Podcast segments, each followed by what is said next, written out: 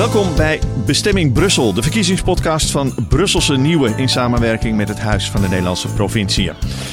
De provinciale staten komen eraan en in deze serie nemen we je mee naar de provinciehoofdsteden waar de strijd het hevigst zal zijn.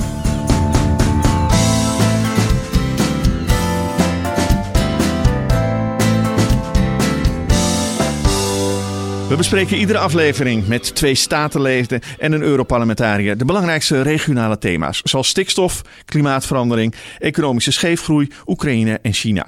Maar meer dan ooit gaan deze verkiezingen ook over Brussel, dat in steeds grotere mate het provinciale beleid bepaalt. Hoe gaan de partijen daarmee om?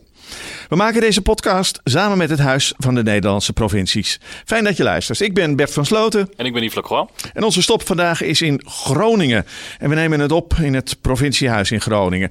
En onze gasten zijn vandaag PVV-lijsttrekker Tom van Kesteren. En gedeputeerde namens D66 Fleur Grapen van Kolwijk. Goeiedag allemaal. Goedemiddag. Ja, eh, toch eventjes die oude uitspraak. Er gaat niets boven Groningen. Komen jullie uit Groningen of komen jullie van boven Groningen vandaan? Nee, mijn, uh, mijn schoonmoeder weet na 30 jaar mij nog steeds als Hollander te definiëren. Dus daar ben ik geboren, maar al wel 30 jaar woonzaam in Groningen. Ja, je wordt geaccepteerd, getolereerd. Je wordt getolereerd thuis, denk ik meer dan geaccepteerd. Maar Groningen is een, eh, een erg uh, inclusieve provincie, dus mensen zijn hier, voelen zich hier snel welkom. Een stadsje, zeggen ze dan in Groningen? Ja, maar ik ben geboren en getogen in Groningen. En uh, ik vind dat ik recht van spreken heb. Ja, dus ze zijn altijd zo kort, hè, die, die, die Groningers. Uh, ja, hoe komt dat eigenlijk? Ik kan heel kort voor de kop zijn, maar ben wel uh, loyaal en ook wel uh, ja, coöperatief in, in, uh, naar het college en als het erop aankomt. Ja, er, er, wordt al een beetje gelachen aan de andere kant. Kort voor de kop zijn vind ik ook wel een mooie... Ja, Groningers zijn dat, hè. Dus Groningers zijn heel recht voor zijn raap. Maar ik denk wel dat Groningers heel erg ja, gemakkelijk in de omgang zijn en ook wel... ja, ze richten zich toch ook wel op anderen uh, van buiten de provincie. Nou, fijn dat jullie ons te woord willen staan van buiten de provincie. Fleur, mag ik bij jou beginnen? Um, er is uh, zoiets en dat noemen ze het Nationaal Programma Groningen. Daar zit een pot met geld bij, uh, ruim 1 miljard euro. Het is al een aantal jaren bezig. Zijn jullie daar wat mee opgeschoten als provincie? Um. Uh, uh, ja en nee. In de zin dat het programma loopt ook nog. Hè. Dus het is, uh, het is denk ik ook nog te vroeg om te zeggen of dat nou echt al die grote veranderingen heeft veroorzaakt die we, die we met elkaar gehoopt hadden. Het Nationaal Programma Groningen is ook meer dan alleen maar de pot met geld. Het pot met geld, zo staat ook in het Nationaal Programma, is, is een startkapitaal. en er zitten ook nadrukkelijke beloftes in vanuit het Rijk om door te investeren in Groningen. Om te zorgen dat nou, het hier wonen en leven en werken ook aangenamer wordt. Nou, daar zijn we nog niet mee klaar. Uh, daar zijn we ook volop met het Rijk over in gesprek. Uh, en ja, dat, kijk, ik denk dat Groningers, en dat is, dat is af en toe ook wel lastig. Hè? We hadden het net over de karakteristieken van Groningers. Groningers zijn mensen die doen en die praten nooit zo graag over wat ze doen. En ik denk dat hier ondertussen wel heel veel mooie dingen en spannende dingen gebeuren. Nou, misschien moeten we er gewoon wat meer over gaan ja, we moeten, uh, Remkes zei onlangs bij de presentatie weer van een soort tussentijds rapport. We zijn onvoldoende trots. Ja, ik denk dat wij, uh, dat wij heel veel hebben in Groningen waar we heel erg trots op mogen zijn. We hebben hier uh, uh, nou, meer start-ups dan in Eindhoven bijvoorbeeld, dat heel weinig mensen weten. We hebben hier meer middeleeuwse kerken dan in Toscane. Ja, dat soort gegevens, dat is maar heel weinig bekend. Maar als jij hier in deze provincie rondloopt, dan zie je hier in stad echt de dynamiek van het hebben van een, van een kenniscentrum. Als je naar buiten de stad gaat, ja, dan loop je echt in een schitterend mooi, waanzinnig, geweldig landschap. Ja, en daar mogen we echt wel wat meer trots op zijn. Ja, Ton, wat is dat toch? Nou, ik vind, ik vind in de provincie vind ik de stad te, uh, te dominant. En uh, ik vind dat, uh, dat het uh, ommeland een beetje ondersneeuwt. En bovendien, als we het over de, het NPG hebben, dan vind ik dat de balans een beetje doorslaat naar duurzaamheid. Even, we, we praten niet in afkortingen, maar ik zal je helpen. Het is het Nationaal Programma Nationaal Programma Groningen. Groningen ja, ja. Dat, dat, slaat een beetje door naar duurzaamheid, energietransitie. En het was wel mooi, want er is in het verleden is Marco Pastors van Zuid-Holland heeft hier een, een college gegeven, een presentatie. En die heeft gewaarschuwd, zorg er nou voor dat je het richt op onderwijs, op uh, werkgelegenheid. Ja, in Oost-Groningen, uh, daar is de jeugdwerkloosheid bijvoorbeeld een enorm probleem. En ik vind dat dat te weinig aandacht krijgt en daar zou veel meer op ingezet moeten worden. Ja, moet daar meer? is het de stad en de ommelanden, het platteland zeggen wij dan in de rest van Nederland, wordt dat een beetje verwaarloosd? Nou, dat denk ik niet. En zeker niet in het Nationaal Programma Groningen. Hè. De, een substantieel deel van het Nationaal Programma Groningen gaat juist ook naar de gemeente, waaronder ook de gemeente in het Ommeland. Om ervoor te zorgen dat die leefbaarheid in dorpen en in, uh, in, de, in de kleine centra uh, ook uh, kan worden versterkt. Ook heel erg nodig, hè, want daar is, daar is veel gebeurd en veel rondom versterken en schade, waardoor het ook echt nodig is om te investeren in die gemeenschappen. Uh, ik denk dat Claudia de Brij zei het volgens mij de oudejaarsconferentie ook heel terecht. Er zijn niet alleen maar scheuren in huis, maar je ook scheuren conferentie, in mensen. Je bedoelt conferentie. Oh, conferentie, sorry. ja, conferentie. Nou ja, ze zijn niet alleen maar scheuren in, in, in, in, uh, in huizen, maar ook scheuren in mensen en in gemeenschappen. En daar is dat geld ook heel hard voor nodig. En uh, daar, is, daar is ook nog veel meer aandacht voor nodig. en daarnaast, en dat is denk ik ook het mooie van het Nationaal Programma Groningen, is dat het juist ook heel erg gaat over hoe zorg je nou voor die nieuwe werkgelegenheid? Hoe zorg je ervoor dat ook in de toekomst hier banen zijn? In de wetenschap dat heel veel banen afhankelijk zijn inmiddels ook van aardgas. Het gaat om de chemische sector in, de, in Delfzijl of het gaat gewoon om uh, energie. Uh, ja, dus dat moeten we nou anders doen. Ja, daar hebben we verschillende ideeën over, Ton, ja, Ton en ik, over hoe die wereld eruit ziet. Maar volgens mij zijn we het wel met elkaar eens dat we moeten zorgen dat die banen in de toekomst hier ook blijven. En dat wij onze mensen ook opleiden om dat te doen. Nou, dat zit ook in het Nationaal Programma gewoon. Er zit bijvoorbeeld een programma in wat echt gaat over hoe maken we nou op lagere scholen kinderen ook echt uh, klaar voor, voor die volgende generatie met de kansrijke schooldagprojecten. Ja, die vinden hoofdzakelijk in het omland plaats. Maar zoals ik al zei, het Nationaal Programma is pas net bezig. En we hebben echt nog veel meer nodig, ook van het Rijk. Omdat het is veel te veel gericht op energietransitie, duurzaamheid.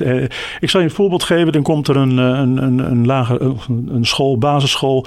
Komt er komen, die kinderen komen allemaal met, met maquettes van zonnecollectoren en windmolens.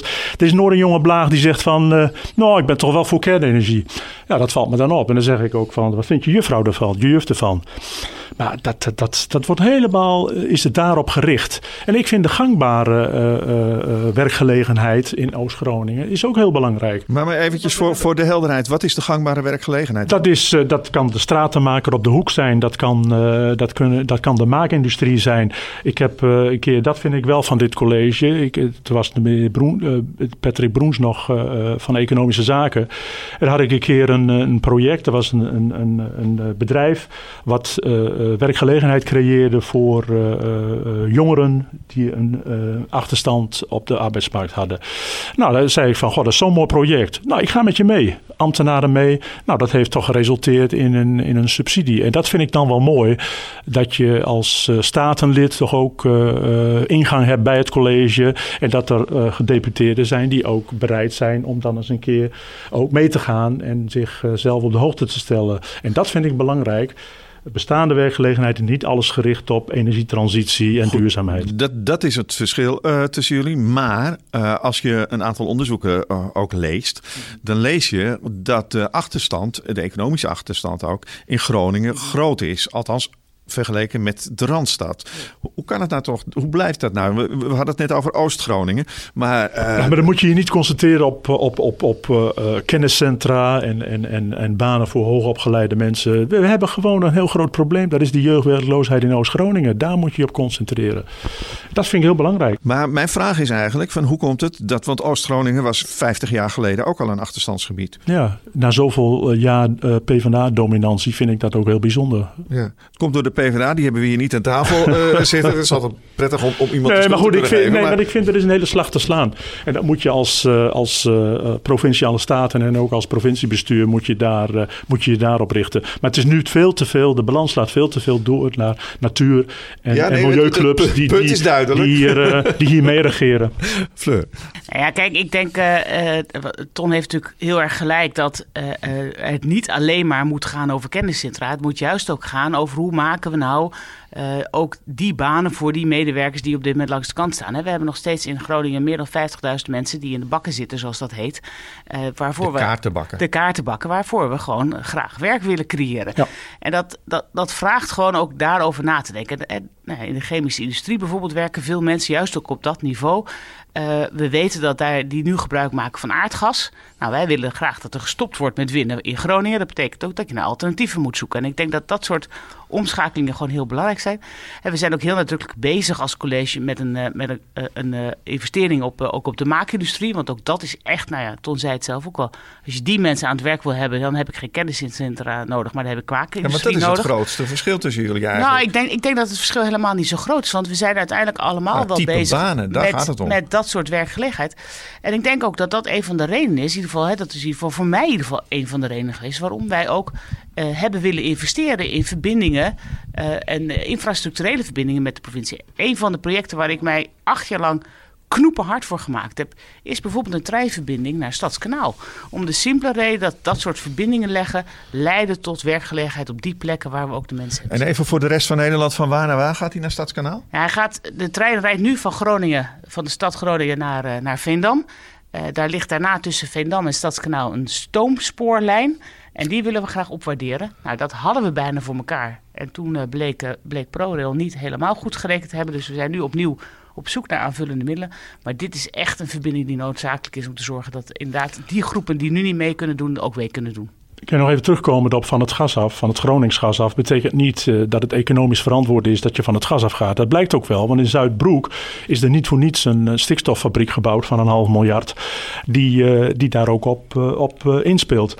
Je, je kunt niet die energietransitie van zonneweiders en, en windmolens, dat bestaat niet dat je daar economisch, dat je de economie, daarvan draaiende houdt. Tenzij je kiest voor, voor armoede, maar hier hebben ze ook gekozen voor brede welvaart. Nou, dat gaat niet samen. Die energietransitie gaat niet samen met brede welvaart. Mag ik eventjes terugkomen op, op de infrastructuur? Want we hadden het over het spoor naar Stadskanaal. Maar er is natuurlijk ook nog een andere uh, lijn die hier veel besproken wordt. De Lelylijn. Snelle treinverbinding tussen de Randstad en uh, Groningen. Er wordt aan gewerkt uh, samen met de Duitsers. Dat heet het Wunderlinie. om een verbinding te maken tussen Bremen, Hamburg en Groningen. En we hebben er een reportage over gemaakt door onze verslaggever Liewe. In de verte zie je het spoor. Het loopt hier richting de dijk, zo richting het water. Maar geen spoorbrug, wel twee drijvende pontons met grote machines. Betekent misschien wel het letterlijke gebrek aan verbinding hier bij Wener in Duitsland.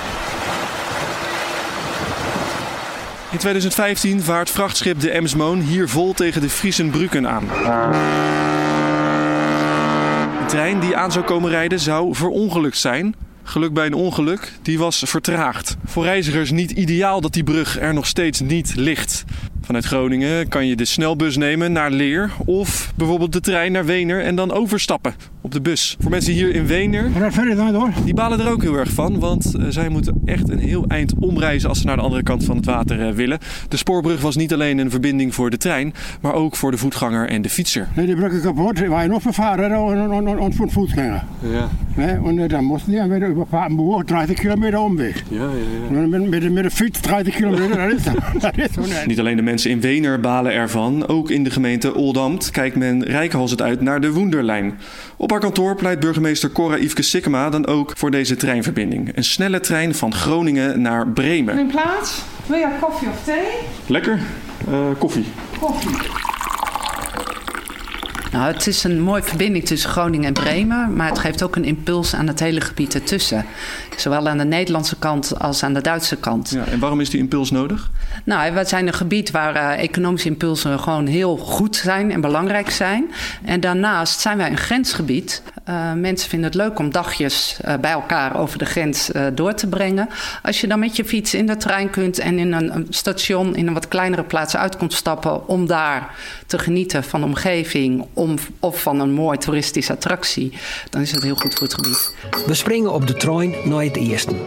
Maar 10 kilometer voorbij naar je is het al home.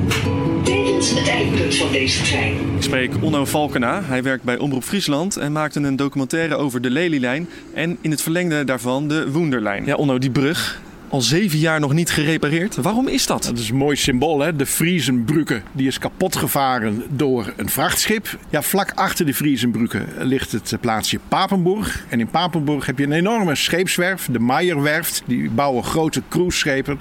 Ja, die cruiseschepen die moeten vanaf Papenburg over de Eems naar de zee. En ze hebben daar het liefst zo weinig mogelijk obstakels. Dus liever helemaal geen nieuwe brug. Er komt nu toch een brug, maar dat wordt een hele brede draaibrug die elk uh, uur op zijn minst de helft van de tijd open staat, zodat uh, scheepvaart daar ongehinderd kan passeren.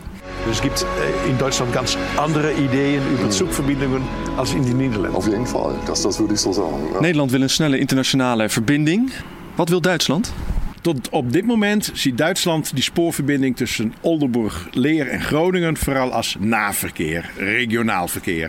Und wir haben nicht genug Passagieraufkommen feststellen können, dass wir diese Strecke rentabel mit Fernverkehr betreiben können. En tot op dit moment uh, is, uh, is Duitsland niet bezig met een snelle internationale verbinding door het noorden. Die snelle internationale verbindingen van Duitsland naar Nederland, ja, die gaan via Hengelo, die gaan via Arnhem, Arnhem richting uh, Frankfurt. Ja, en die noordelijke verbinding, daar hoor je de Duitsers nog niet over. Nou komt die Woenderlijn natuurlijk niet zomaar tot stand. daar is geld voor nodig, veel geld. Wordt er dan ook uh, daarvoor naar Europa gekeken? Ja, we kijken uh, naar alles wat mogelijk is. En uiteraard ook naar Europa. We moeten het met elkaar doen. Dit is grensoverschrijdend. En we hebben het nu over Groningen-Bremen. Maar het kan heel mooi aansluiten op de Lelylijn. En het is dan ook een verbinding richting Scandinavië. Europees geld uh, is, zijn altijd koppelsubsidies. Dus Europa kan een beperkt percentage van het budget bijdragen. En tot op dit moment heeft Europa nog nooit meer geld uitgekeerd voor één spoorproject als 1 miljard euro. Nu is 1 miljard is natuurlijk niet mis, is geen kattenpis. Maar uh, ja, de lelylijn die wordt begroot op dit moment op een bedrag tussen de 6 en 9 miljard dat die gaat kosten. Uh, Nederland heeft 3 miljard gereserveerd. Stel je krijgt een miljard uh, uit Brussel, dan staat de teller op 4 miljard. Dan heb je nog wel te maken met een gat van 5 miljard. Ja, Fleur, jij als uh, gedeputeerde hebt mobiliteit uh, in je portefeuille. Hè? Wat gaat zo'n lelylijn nou opleveren voor de provincie? Ja, de lelylijn of de hoenderlijn? De, of allebei? Beide. Misschien ja, gewoon de verbinding tussen de regio's en nou ja, Duitsland. Kijk, um, wat we weten is dat infrastructurele verbindingen zoals een spoorverbinding ook echt kan helpen in het uh, doorontwikkelen van de economische kernzones die aan beide kanten van dat soort lijnen liggen. En ja, voor Groningen betekent dat uh, als je kijkt naar onze economische uh, kernzone en waar wij dan mee verbonden zouden willen moeten zijn, is aan de ene kant de Randstad gewoon van belang. En aan de andere kant zien we ook dat in toenemende mate Duitsland en Scandinavië belangrijke regio's zijn om mee te verbinden. Nou ja, dat betekent dat je uh, die verbindingen moet verbeteren. We hebben nu een uh, spoorverbinding met de Randstad over bestaanspoor. Uh, waarbij we weten dat elke week gemiddeld 9 uur de verbinding met Meppel eruit ligt. Nou, dat is, dat is buitengewoon kwetsbaar. Dus het hebben van een robuuster systeem, zoals het heet, is ongelooflijk belangrijk om te zorgen dat die verbindingen er ook goed, goed liggen. Nou, en de leenlijn kan ons daarbij helpen. En het is nog beter als we hem dus weten door te trekken richting, richting Duitsland en Scandinavië. Ja, en het zou een hoge snelheidstrein moeten zijn dan? Dat zou een hoge snelheidstrein moeten zijn, maar zoals Cora Ifke uh, Sikkema denk ik terecht ook in de, in haar, in de rapportage zei... Uh, deze verbinding gaat natuurlijk niet alleen maar over het verbinden van twee steden of drie steden met elkaar, maar gaan ook over het verbinden van de regio's. Dus naast sneltreinen moet je eigenlijk ook altijd zorgen dat er ook stoptreinen komen, die ook echt kunnen helpen in het verbinden van die regio's. En nou, we weten ook wel, hè, als je kijkt naar, uh, ondanks dat die brug eruit ligt en ziet wat er ondertussen in de samenwerking tussen Nederlandse en Duitse partners gebeurt, dat samen aan zo'n project werken al heel veel oplevert als het gaat om toerisme, recreatie, uh, uh, nou, samenwerking tussen musea. Uh, dus daar zie je echt wel heel veel stappen gemaakt ja, worden. Ja. Ton, is dat een goed idee, zo'n trein? Kijk, als, de, als je zegt dat uh, het Rijk 7,5 miljard uh, beschikbaar heeft de komende 10 jaar voor uh, infrastructurele projecten, ja, dan valt natuurlijk zo'n lelielijn. Het zal nooit gerealiseerd kunnen worden.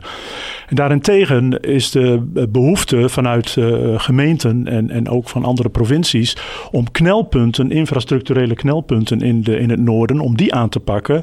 Wat uiteindelijk ook tot een snelle ja, verbinding zal leiden met de Randstad. Dat is een realistischer uh, kijk op de zaak. En uh, ja, ik, ik neig daar toch wat meer toe. Uh, er, wordt hier, er is hier een ingenieur uit, uit Pekela. Ja, iedereen kijkt daar wat schamper tegenaan. Dat is de heer Muizert. Die heeft het bereikbaarheidsplan gemaakt. Waar komt het op neer? Dat hij voor de helft van het geld wat begroot is voor die, voor die Lelylijn en Hoenderlijn... heeft hij oplossingen voor de helft van het geld... om knelpunten in het noorden op te lossen...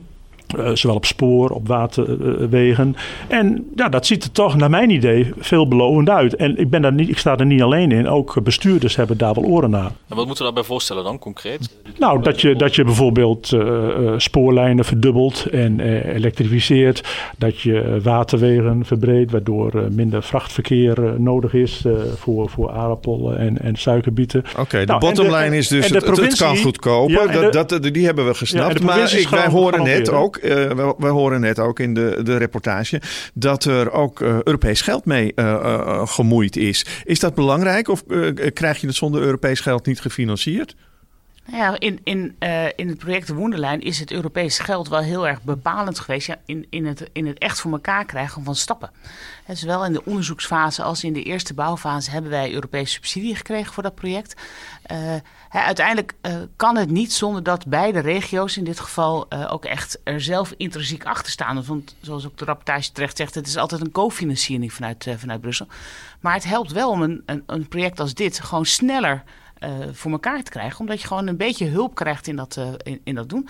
Het tweede wat waarom het echt heel erg belangrijk is om, uh, om Europese steun te krijgen voor dit soort projecten, is dat je ziet dat die erkenning uit Brussel, hè, voor de Woenderlijn geldt dat wij de erkenning van een zogenaamd flagship project uh, hebben gekregen, dat dat ook weer andere deuren opent. En dat dat ook maakt dat bijvoorbeeld ondernemers in het gebied, of, uh, of in dit geval de, de, ook de, het, de Rijk, het Rijk aan Duitse zijde, dus de Bund, heeft gezegd, ja, dit is ook wel een project van ons. En dat is nou, misschien uh, klinkt dat niet, niet heel bijzonder, maar tegelijkertijd, nou, werd net ook al gezegd, er is in Duitsland altijd een discussie tussen naverkeer en fernverkeer. Op het moment dat de Bund zegt, ja, nu het er echt ook Europese herkenning gekregen heeft, wordt het ook van ons van belang opent dat dus ook de deuren bijvoorbeeld voor dat fernverkeer en met toekomstige mogelijkheden tot, uh, tot versnellen van het spoor. Dus Ton, het is wel van belang, uh, Europees geld. Ja, maar dan moet je wel een goede lobby hebben naar Brussel. En ik vraag me af of, uh, of wij wel zo'n goede lobby hebben naar Brussel. Als je, je dat toch lobbyisten? Ja, dat, dat, weet ik. Maar als je dat vergelijkt met Brabant, die, die doet dat volgens mij veel beter. Want die hebben, oh ja. die hebben wel.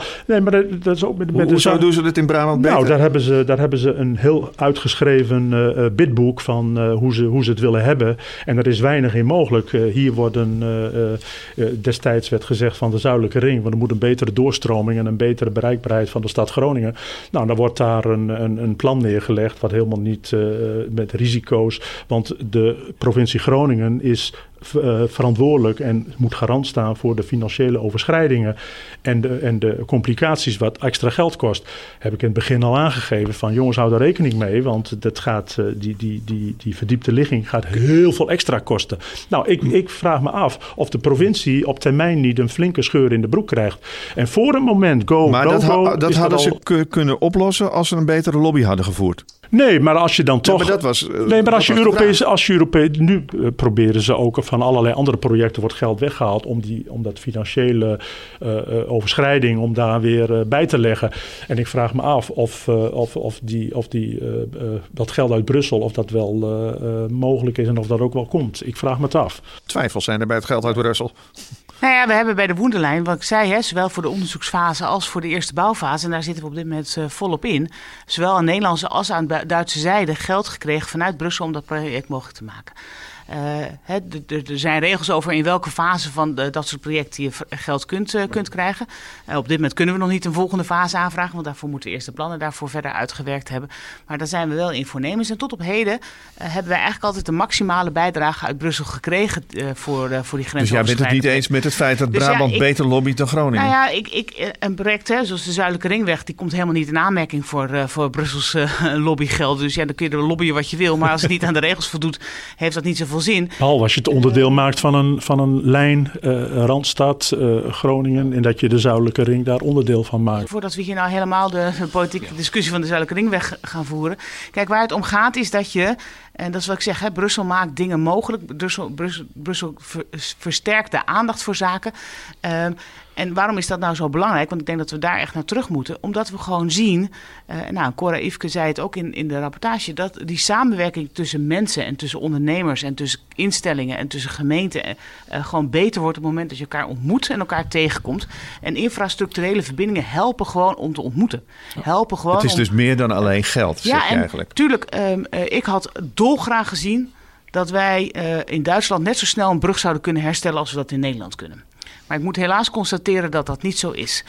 Um, Duitsland kent ongelooflijk veel ingewikkelde ruimtelijke procedures. Dat is de belangrijkste reden waarom het zo lang, lang duurt uh, daar. Ehm, maar als daarmee een deel van de werkgelegenheid in Emden of in Papenburg opeens toegankelijk wordt voor diezelfde groep waar we het aan het begin van dit gesprek over hadden, namelijk in die maakindustrie, uh, de handen waar voor, de, voor de mensen die nu uh, aan de zijlijn staan, dan zijn dit soort investeringen echt ongelooflijk belangrijk. En Brussel helpt ons gewoon om dat sneller mogelijk te maken. Ja, en Emden en Papenburg liggen net over de grens, zeg ik maar even erbij. Ik zou je, ik zou je toch eens een voorbeeldje noemen. De, uh, de werkgelegenheid over de grens. Er waren een aantal jonge uh, uh, werknemers van, van de auto-industrie daar. En die gingen in een busje uh, steeds richting die fabriek. Maar er moest geld bij. En dat was, ze verdienden daar minder uiteindelijk onderaan de streep dan hun uitkering. En toen hebben ze verzoek ingediend bij gemeenten en bij, bij, bij, bij provincie om wat subsidie. Nou, dat, dat, dat, dat was niet in voorzien. Ik vind als je als, je als overheid en en, provinciale staten. Je hebt heel veel contacten met, met de Duitse collega's dan moet je eigenlijk dit soort praktische uh, zaken, waar, waar jongeren tegenaan lopen die graag willen werken in Duitsland, maar dan moet je het wel zo aantrekkelijk maken en dan moet je ook pragmatische oplossingen zoeken.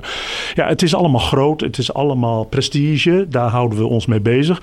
Maar met de gewone dagelijkse praktijk van, van wat zijn nou de juridische problemen, de hè, contracten, als je, Ton, daar loop je tegenaan. Daar zouden hè? mensen wij zijn, we zijn niet alleen, wij zijn Groningen niet alleen maar met grote prestigieuze dingen bezig. Een van de dingen waar ik de afgelopen jaren al effectief heel hard aan lopen, lopen trekken, is bijvoorbeeld de mogelijkheid die wij hebben om kleinschalig openbaar vervoer ook over de grens mogelijk te maken. Ja. Maar waar we tegenaan lopen is gewoon wetgeving. Nou zit jij ook in de Eerste Kamer. En ben jij ook mede verantwoordelijk voor het maken van wetgeving in Nederland? Ja. Hoeveel amendementen heb jij dan ingediend om ervoor te zorgen dat wij kleinschalig openbaar vervoer over de grens mogen aanbieden, zodat we die mensen die jij net noemt ook helpen om de mogelijkheid te bieden om dat soort verbindingen te maken? Ik loop heel veel te lobbyen. Alleen uh, het is wel zo dat uh, gemeenten, provincie en Rijk worden steeds meer uitvoerende bestuurslagen van Brussel. Dus het is heel moeilijk om, om zelf beleidskeuzes zit, te maken. Want dan de... wordt er steeds gezegd van dat mag niet van Brussel. Dat is, uh, dat, Dit dat, zit in dat... de wetgeving van Nederland. Ik denk niet dat er iemand in Brussel is die maar waarom? bezwaar heeft tegen ja, maar, grensoverschrijdend vervoer. Maar ik ben geen bestuurder.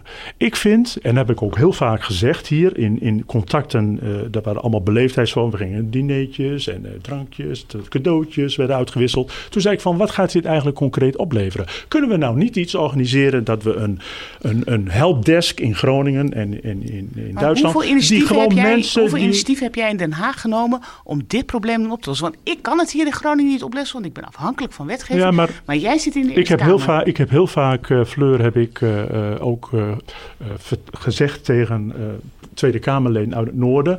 Laten we één keer in de maand gewoon bij elkaar komen. En laten we met elkaar overleggen om wat we voor Groningen kunnen betekenen. En dat kan concreet zijn in het indienen van moties, amendementen. Maar dat komt helemaal niet van de grond. Op een of andere manier. Maar je kan het altijd zelf doen, hè? Dat, dat, jawel, tuurlijk kan dat zelf. Maar ik ben niet. En dan moet je ook nog woordvoerder zijn. Dan moet je, je hebt ook de Haagse. De Haagse. Ja, maar, maar de Haagse. Uh, Ton, de, de lobby partij... is niet eenvoudig. Ja, dat klopt. Maar, maar, ik ben niet. Ik, jij, jij, zegt nu van dan moet jij dat doen. Maar je hebt zelf ook. Heb je mensen in de, in de Eerste Kamer. Henk uh, Pijlman. Dat is ook een D66-senator. Uh, die heb ik daar ook niet over gehoord. Je loopt tegen. Je loopt tegen, okay, echt nou, tegen nou, Brusselse, ik Brusselse hem, we gaan, regelgeving aan. Ik, we, we, gaan nu eventjes heen en weer. Want wat de een niet doet, doet de ander ook niet. Oké, okay, punt, punt gemaakt. Door, dat is ook, door, door beide punt gemaakt. Ik heb die beide, maar ik, ik, ik, ik hoor je ook iets anders zeggen. Uh, namelijk, het mag niet van Brussel. Ja. Wordt, dat wordt heel vaak gebruikt als argument. Ja, dat wordt heel vaak gebruikt. Dat, uh, dat, dat, dat mag niet van Brussel. Te veel ja. Wordt er verscholen achter Brussel? Nee, maar ik merk gewoon heel duidelijk dat daar kunnen bestuurders hier ook weinig aan doen. En dat begrijp ik ook wel. Dat heel vaak gemeenten en, en provincies, ja, die zijn met handen gebonden. Omdat ze, omdat ze meer uitvoeringsbestuurslaag zijn geworden van, uh, van Brussel. Dat, zo is het gewoon. En het Rijk ook. Uh, Nederland, dat is met, met immigratie, overal zie je dat mee. We kunnen niet anders, want Brussel. Dat is, nou, uh, ja, daar moet je vanaf.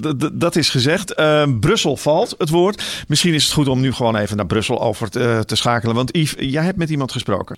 Ik heb daar met iemand gesproken. Dat is Caroline Nachtegaal, Europarlementariër voor de VVD. Die houdt zich bezig met mobiliteit. En uh, met haar heb ik gepraat over de Lelylijn, de verbinding met Duitsland en de rol die Brussel kan hebben in de regio.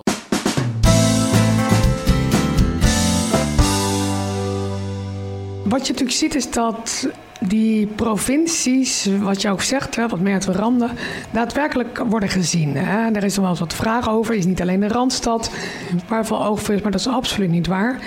Uh, een mooi voorbeeld vind ik ook toch ook wel in Groningen. Als je kijkt naar de Hydrogen uh, Valley, een prachtig project.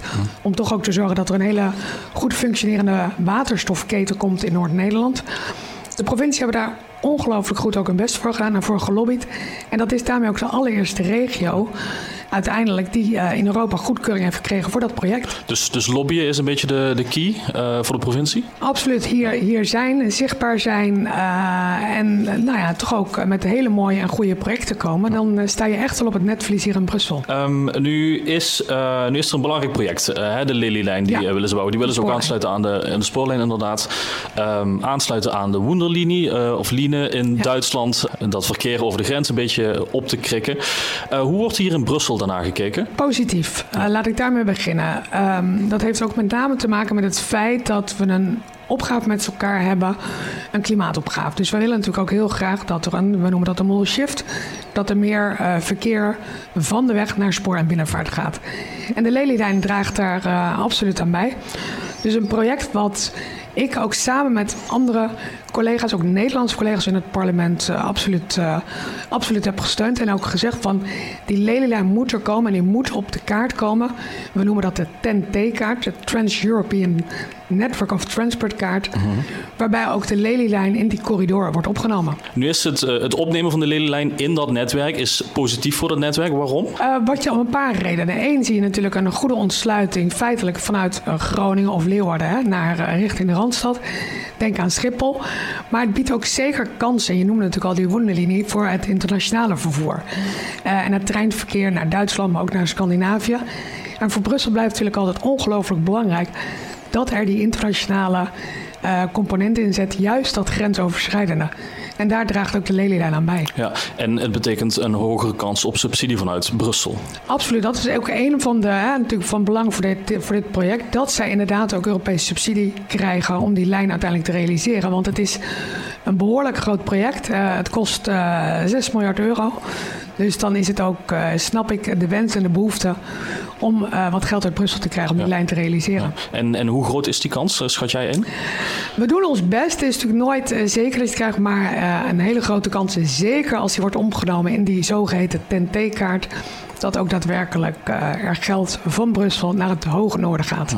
Wie beslist er uiteindelijk over, over die subsidie? Uiteindelijk de Europese Commissie is degene die daar uh, uh, over een besluit neemt. Nu stellen wij, want we hebben meerdere Europarlementariërs geïnterviewd, nu stellen we altijd de vraag, wat voor advies geef jij lokale, provinciale politici als het op Brussel aankomt? Hoe kunnen zij gebruik maken van Brussel? Het belangrijkste wat ik altijd meegeef, weet ons te vinden. Wij zijn er voor jullie. Um, ik zit hier in het Europese parlement uh, voor Nederland. Dus dat betekent dat de mensen vanuit Nederland, of het nou bedrijven zijn, of het overheden zijn, of het individuen zijn, dat ze hier één ongelooflijk welkom zijn. Dat ze hier hun zorg, hun vraag, hun wens kunnen neerleggen. Uh, en als dat uh, past in mijn straatje past, in mijn liberale straatje, dan ga ik daarmee aan de slag voor Nederland.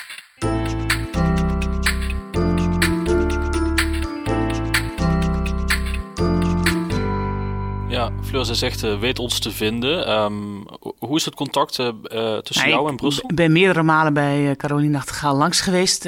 Ook bij een aantal andere Europarlementariërs. En ook niet alleen de Nederlandse Europarlementariërs, maar bijvoorbeeld ook langs een aantal Duitse Europarlementariërs. om juist ook met hun te spreken over de Woenderlijn. We hebben ook voor corona eigenlijk elk jaar een Woenderlijn ontbijt gehouden. Waarin we Europarlementariërs van alle fracties uitnodigden. Ja, en daarnaast... Ja, ben ik regelmatig niet alleen in Den Haag te vinden, maar ook in Brussel te vinden. Om daar met commissie, met raadsmedewerkers en met Europarlementariërs te spreken over op welke wijze nou, zij een bijdrage kunnen leveren aan, uh, aan de dingen die wij graag willen realiseren hier. En, en Ton, hoe zit dat bij jullie? De PVV, hebben die nog een link uh, in Brussel? Ik zit in het uh, Benelux-parlement En uh, ik, als, het, als het op Groningen aankomt, ik ben toch een beetje ambassadeur. Zo heb ik ook de. We gingen vaak op werkbezoek. Heb ik het initiatief genomen dat het bij een luxe parlement ook een keer naar Groningen zou gaan. Nou, dat is inmiddels al twee keer geweest. het eind van het jaar op het congres.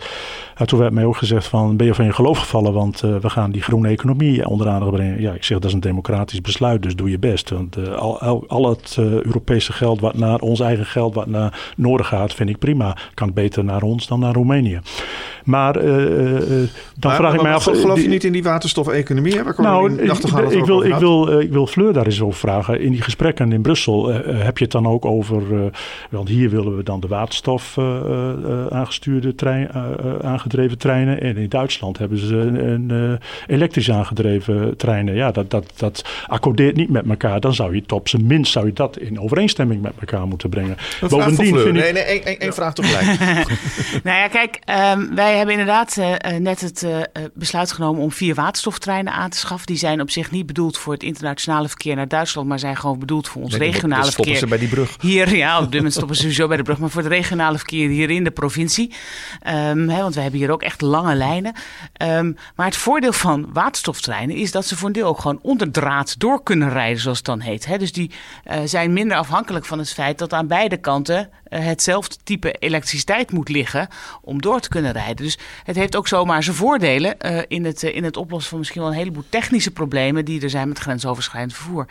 Uh, dus dat, is, ja, dat vraagt is, wel wat creativiteit, maar dat zou nou ja, dat wordt, dat, wordt, wordt, dat wordt wel heel duur vervoer, want als je, als je waterstof produceert vanuit windmolens en zonne, zonnevelden, ja, dat, dat werkt niet. als je dan dat via kernenergie doet, wordt het weer een ander verhaal. Dan wordt het economisch wel rendabel. Ik vraag me af of waterstof überhaupt rendabel kan worden.